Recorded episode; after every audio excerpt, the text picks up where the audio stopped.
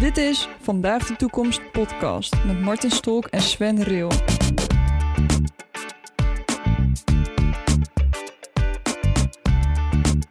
Welkom beste luisteraars, leuk dat jullie weer luisteren naar een nieuwe aflevering. En uh, vandaag hebben we Annabel te gast. Uh, Annabel is de voorzitter van uh, AISU, Amnesty International Student Group Utrecht. Welkom. Dankjewel. En nou ja, vandaag gaan we het over Amnesty Utrecht hebben en daarna iets uitzoomen over mensenrechten, et cetera, in het algemeen. Um, Annabel, kun je beginnen met een korte uitleg te geven wat um, ISU eigenlijk is, wat jullie doen? Ja, zal ik doen. Nou, ISU is een uh, studentengroep in Utrecht. Want ja, de grote basis van het werk van Amnesty International is door massamobilisatie van zoveel mogelijk mensen die geïnteresseerd zijn in mensenrechten en die ook meedoen aan alle acties en protesten. Dus Amnesty zoekt eigenlijk zoveel mogelijk mensen. En één manier dat ze dat doen is door studentengroepen. Dus er zijn in Nederland twaalf verschillende studentengroepen in verschillende steden. Um, en ook in Utrecht dus. En uh, ja, ik ben de voorzitter van uh, ISU in Utrecht. Dus het houdt eigenlijk in, dus één bestuur van Utrecht, met z'n vijven zijn we. Um, en daaronder zitten vijf verschillende comité's. En daaronder zitten nog 150 leden die meedoen aan de acties die wij doen in Utrecht. Um, dus we organiseren het eigenlijk door die structuur. En dan werken we ook nog zoveel mogelijk samen met de andere twaalf groepen in Utrecht. En daarnaast ook nog met de headquarters in Amsterdam. Ja, duidelijk. En wat uh, kun je kort vertellen wat die commissies zo inhouden, wat jullie doen bij die commissies? Ja, dus zoals ik al zei, zijn er vijf verschillende commissies. En elke commissie heeft een beetje een, een ander thema. Dus er is bijvoorbeeld de Charity Commissie. En ja, de naam kun je al een beetje begrijpen. Dat is om mm -hmm. geld in te zamelen um, voor een specifiek doel. Of gewoon voor Amnesty in Nederland, die het dan uitbesteden aan hun verschillende thema's. Um, en is er één commissie voor ja, activities, dus dat is meer voor de leden, dat we samenkomen en, en samen dingen doen, meestal rondom... En wat, wat voor dingen zijn dat dan, die jullie doen? Um, Pre-coronatijd zijn dat, uh, ja, filmavonden bijvoorbeeld. Dan is het een, een, een film die over een belangrijk uh, thema gaat, die laten zien. Of samen naar protesten gaan, ja. uh, dat soort dingen, actie voeren.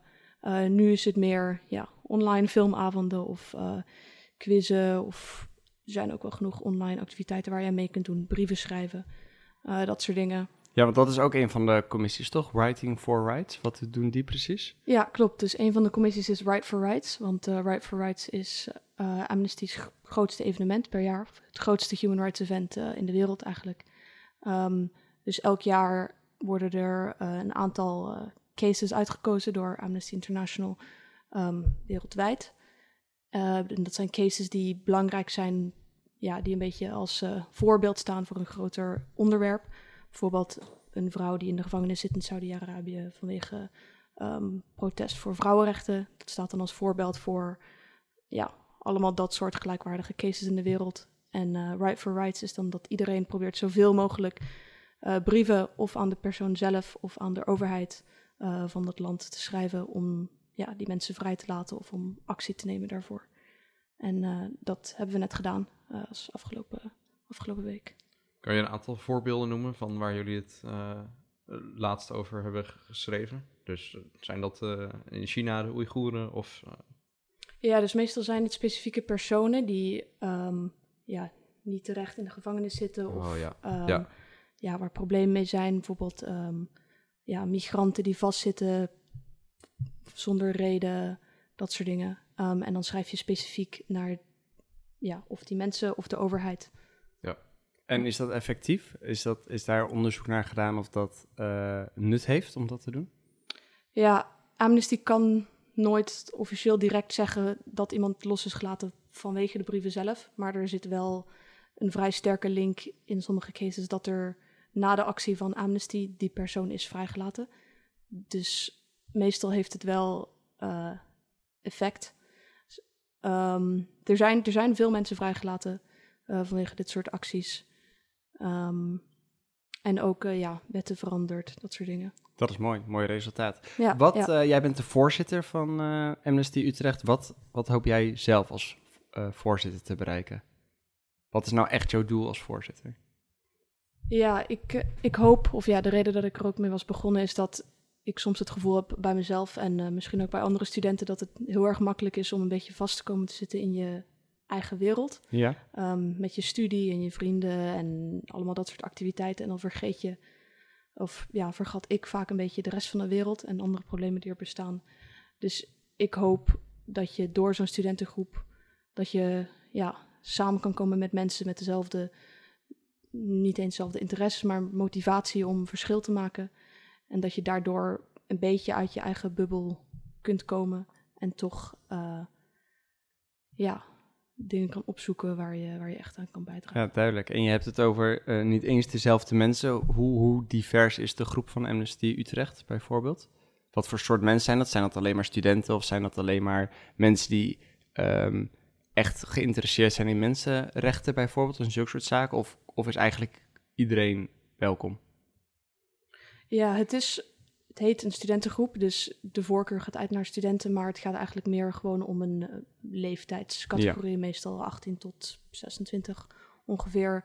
Dus niet al onze leden hoeven studenten te zijn en we hebben ook wel diverse hogeschool, universiteit, uh, niet-studerenden. Bijvoorbeeld, ik studeer nu een jaar niet. Um, en ik ben voorzitter van de studentengroep, dus uh, het gaat meer om een, een, een leeftijdscategorie eigenlijk. Ja, en hebben jullie dan ook uh, buitenlanders momenteel, internationals in Utrecht? ja, best wel veel. Utrecht ja, is best wel een internationale stad, ja. vooral onder de studenten. Dus eigenlijk doen we al ons werk in het Engels. Um, en in de commissies zitten veel, veel buitenlanders ook. Dus het kan allebei. Okay. Nederlander of buitenlander. Ja. ja. Um, hoe is eigenlijk jullie, hoe, jullie relatie met Amnesty Nederland? Of, de, of Amnesty in de wereld? ondersteunen jullie ze? Geven jullie advies? Of krijgen jullie juist alleen maar dingen opgelegd dan ja, de kant op? Ja, dat, dat, dat jullie precies moeten doen wat ja. zij zeggen? Ja, het is, uh, het is een best wel vrije relatie eigenlijk. Um, dus het is, hoofdkantoor zit in Amsterdam. En uh, ja, die organiseren meestal twee, drie keer per jaar hebben we een nationale studentendag. Dus dat is met de twaalf verschillende groepen in Nederland. En die geven een beetje aan ongeveer wat voor thema's zij belangrijk vinden die jaren. En we proberen, ja, natuurlijk uh, moeten we ons houden aan de principes van Amnesty. Dus dat is uh, niet, niet politiek zijn. En uh, verder gewoon binnen de thema's van Amnesty blijven. maar die thema's zijn heel erg breed. Dus daarbinnen is er echt heel veel ruimte om te kiezen. Dus als commissie Utrecht hadden wij ja, eerst als commissie en daarna de committees onder ons heel erg de ruimte om zelf in te vullen wat zij belangrijk vinden. Ja, wat bedoel je precies met niet politiek zijn? Dat hoorde ik je net zeggen. Hoe, hoe is Amnesty niet politiek?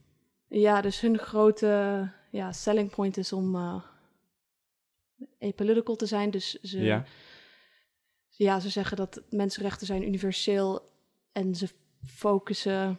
Het is een beetje moeilijker, want ze focussen wel op overheden, maar zonder politieke agenda. Dus ze, ze, ze komen echt gewoon op voor mensenrechten en voor mensen zelf, zonder daar een agenda achter te hebben.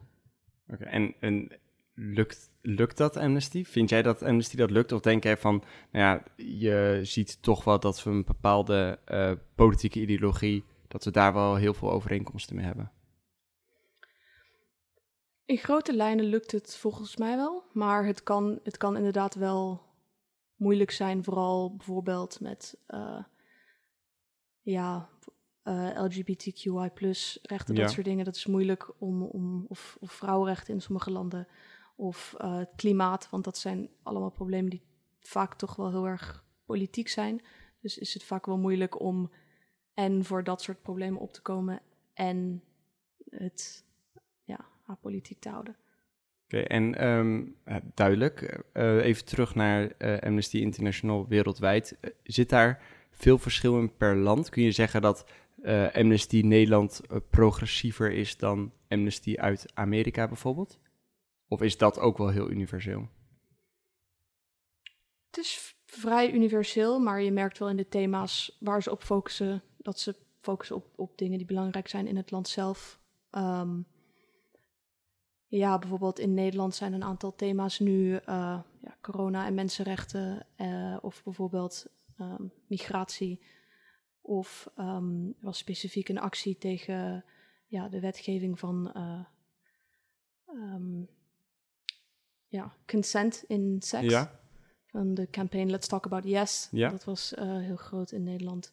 Dus dat zijn dingen die wel heel specifiek zijn per, eh, per land. Maar ik moet eerlijk zeggen, Sven, ik weet niet hoe jij er tegenaan kijkt, maar als ik ehm, aan Amnesty denk, of Amnesty International zeker, denk ik eigenlijk meer aan ehm, een organisatie die zich inzet voor mensenrechten in verre landen, zoals het. Midden-Oosten en China, dan meer problematiek in Nederland. Ja, dat is natuurlijk ook meer wat we eh, in het, op, op het grote nieuws zien. Op het NOS-nieuws zien we eh, niet de Amnesty International Student Group eh, Utrecht. Dat, dat zien we niet. Dus- Maar Amnesty, Amnesty Nederland is wel ook echt bezig met de Nederlandse pro- Ja. problematiek. Of Ja. is dat alleen iets uit de regionale netwerken?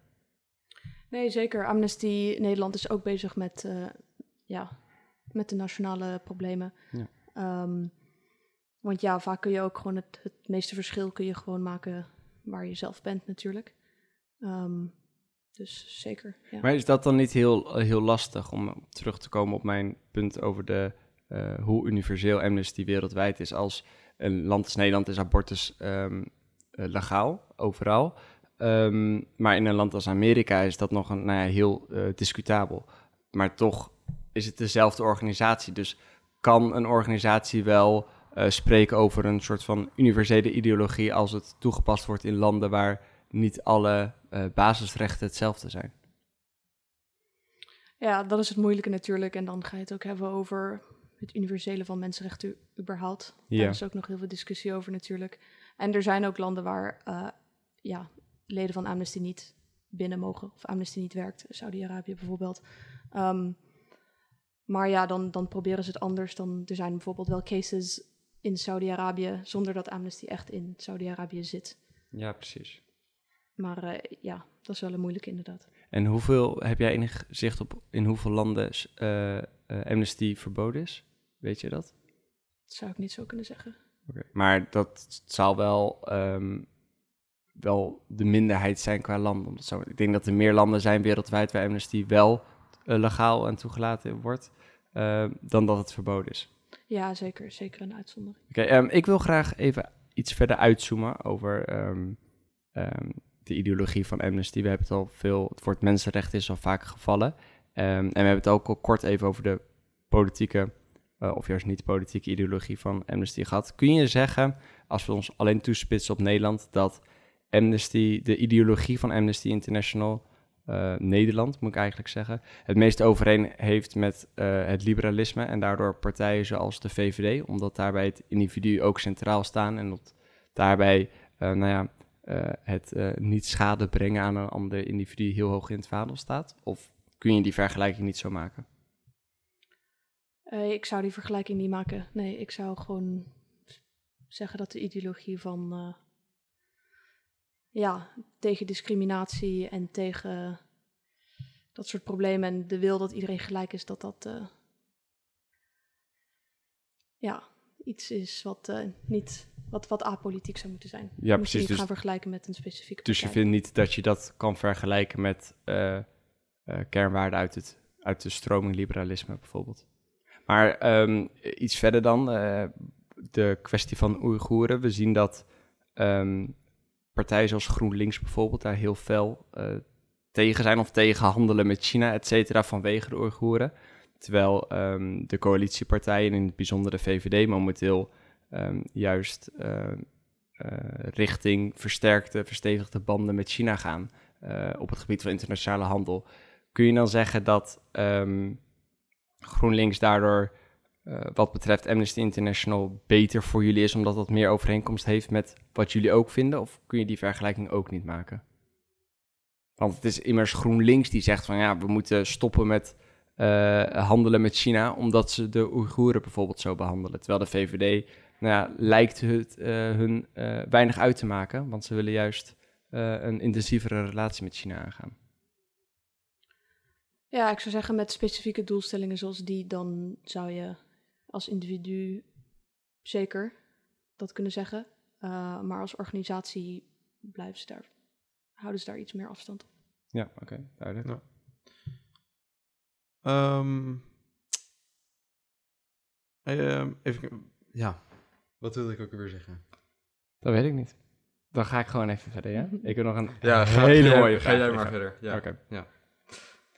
Ehm, Oké, Annabel, ik heb een vraag voor jou. Want ik ehm, eh, las dat eh één, in het parool las ik dit, dat eh een vijfde van alle katoenkleding wereldwijd geproduceerd momenteel met behulp van Oeigoerse dwangarbeiders is. Ehm, dat nou, schreef het parool dus. En een van de merken die daar specifiek in wordt genoemd is Tommy Hilfiger. En nu heb ik heel toevallig, daar heb ik niet over nagedacht, een Tommy Hilfiger trui aan. Zijn wij nu vijanden van elkaar of is het niet, niet zo ernstig? Hoe kijk je daar tegenaan, tegen het, het, consument, eh, het gedrag van de consument? En kun je dan zeggen van ja, als je nu nog eh Tommy Hilfiger draagt, eh, dan ben je gewoon hypocriet of dan, dan geef je gewoon niet om mensenrechten. Kun je dat zo sterk zeggen of is dat genuanceerder? Ik zou het zeker niet zo sterk zeggen, nee. Ehm, ja, ik vind zelf dat individuen natuurlijk wel verantwoordelijkheid hebben ehm, om zichzelf te informeren en om op basis daarvan keuzes te maken. Maar ik denk dat het meer nut heeft eh, als je de verantwoordelijkheid legt bij overheden of de organisaties eh, zelf. Dus ja, dan zou ik zeker niet zeggen, jij bent mijn vijand omdat je die trui draagt. Dan zou ik eerder zeggen van, eh, nou laten we met z'n twee naar het kantoor van Tommy Hilfiger gaan en, en kijken wat we daaraan kunnen doen. Ja, precies. Is, is dat sowieso eh, eh, meer de doelgroep van Amnesty? Overheden, grote organisaties, andere NGO's, et cetera, in plaats dus- van eh, de massa? Ja, dus het probleem bij de bron aanpakken in plaats van, eh, van de consumenten in dit geval. Ja, heel erg. Ehm, ja, Right for Rights brieven gaan allemaal naar, eh, naar overheden, naar ministers, naar presidenten.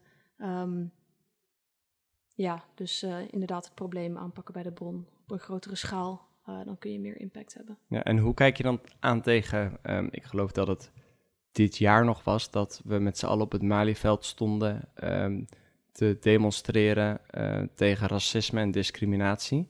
Ehm, wat ook raakvlak heeft met de Amnesty-ideologie. Naar mijn idee, eh, die, toen die protesten er waren, was dat continu in het nieuws. En dat was, maakte de kop in de krant. Heeft eh, de massa dan niet meer ehm, impact en, en, en ja, impact dan dat Amnesty heeft? Of is dat meer eenmalig en dan schiet het opeens de grond uit zo'n groot protest en dan is er even heel veel aandacht voor, waar Amnesty International meer eh, op de eh, lange termijn denkt en meer duurzame veranderingen aanpakt. Kun je dat zo stellen? Ik zou zeggen dat Amnesty bezig is met alle twee. Ehm, ik weet zeker dat leden van Amnesty zeker ook op het Malieveld stonden. En een deel van, ja, een groot deel van de acties van Amnesty gaat om massamobilisatie. Juist om te laten zien dat, dat, dat zoveel mensen er, ja, ervan weten en, en passionate over zijn. Eh, en daarnaast ook nog proberen om ja, die, die tijdelijke dingen om te zetten naar, naar langdurige veranderingen in wetten, in, in overheden. Ja, oké. Dus, dus het is eigenlijk een combinatie van, eh, van de twee. Ja, zeker. Ehm, het la- allerlaatste wat je zei vond ik ook wel heel interessant. De veranderingen doorzetten in bijvoorbeeld wetten, et cetera. Wat is, wat is het belangrijkste doel voor Amnesty? Is dat ehm, eh, overal mensenrechten in de grondwet aannemen? Eh, is dat overal mensen die nu onterecht gevangen zitten vrijlaten? Is er één hoofddoel, kun je dat zo zeggen? Ja, het doel van Amnesty is, is, is breed. Ehm, ja, hun missie is eh einde discriminatie. Maar goed, dat, dat is natuurlijk heel eh, moeilijk om direct zo te zeggen. Maar ja, inderdaad, door ehm, verandering van wetten en door... Het gaat niet om individuele, individuele mensen vrijlaten, maar het gaat om wat die mensen voorstellen qua...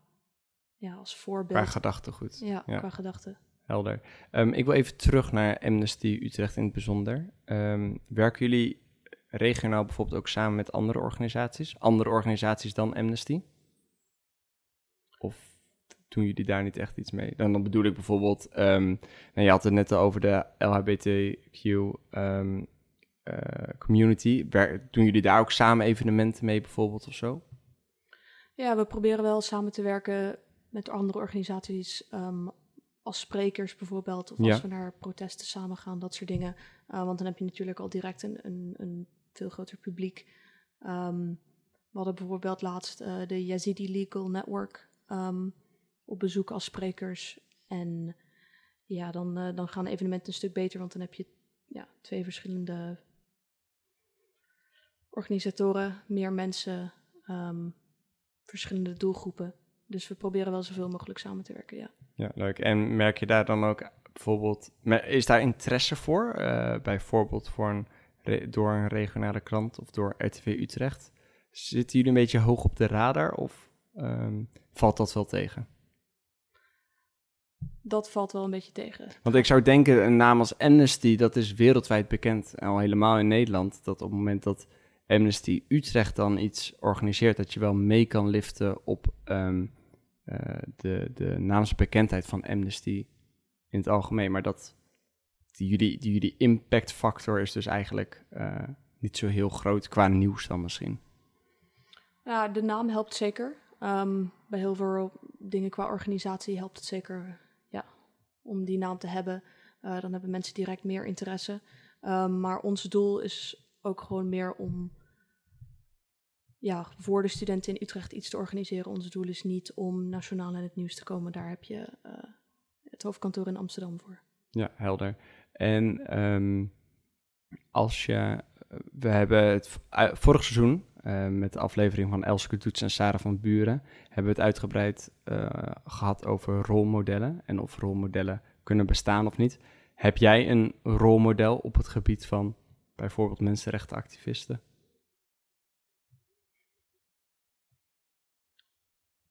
Ja, ik zou zeggen dan voor mij uh, Malala Yousafzai, uh, als ik één persoon zou moeten noemen. En wie is dat? Um, ja, ik denk dat de meeste de, de luisteraars het al weten, maar Mhm. mm -hmm. um, een meisje die opkomt voor uh, ja, het recht van vrouwen om naar school te gaan. Ja. En vrouwenrechten uit Pakistan, toch? Uit Pakistan, ja, inderdaad. precies. Um, en, en in de Nederlandse politiek heb je daar, is er een, een, Kamerlid bijvoorbeeld waarvan je zegt, ja, die, die snapt wel heel goed hoe de mensenrechten uh, casus in elkaar zit. En die komt wel heel goed op voor wat ik uh, qua mensenrechten ook belangrijk vind. Dat zou ik niet specifiek. Niet specifiek. nee. Uh, Sven, ik denk dat we toe zijn aan de uh, laatste vraag ja. van dit seizoen. Ja, dat denk ik ook. Ga je gang. Um, nou, we vragen nu elke keer um, of je wel optimistisch bent over de toekomst.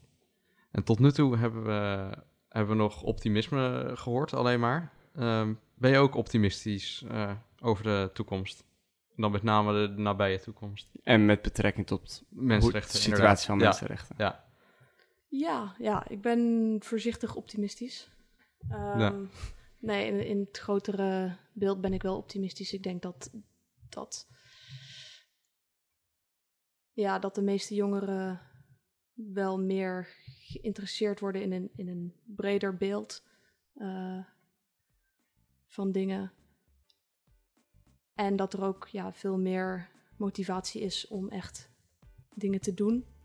Um, en ik hoop dat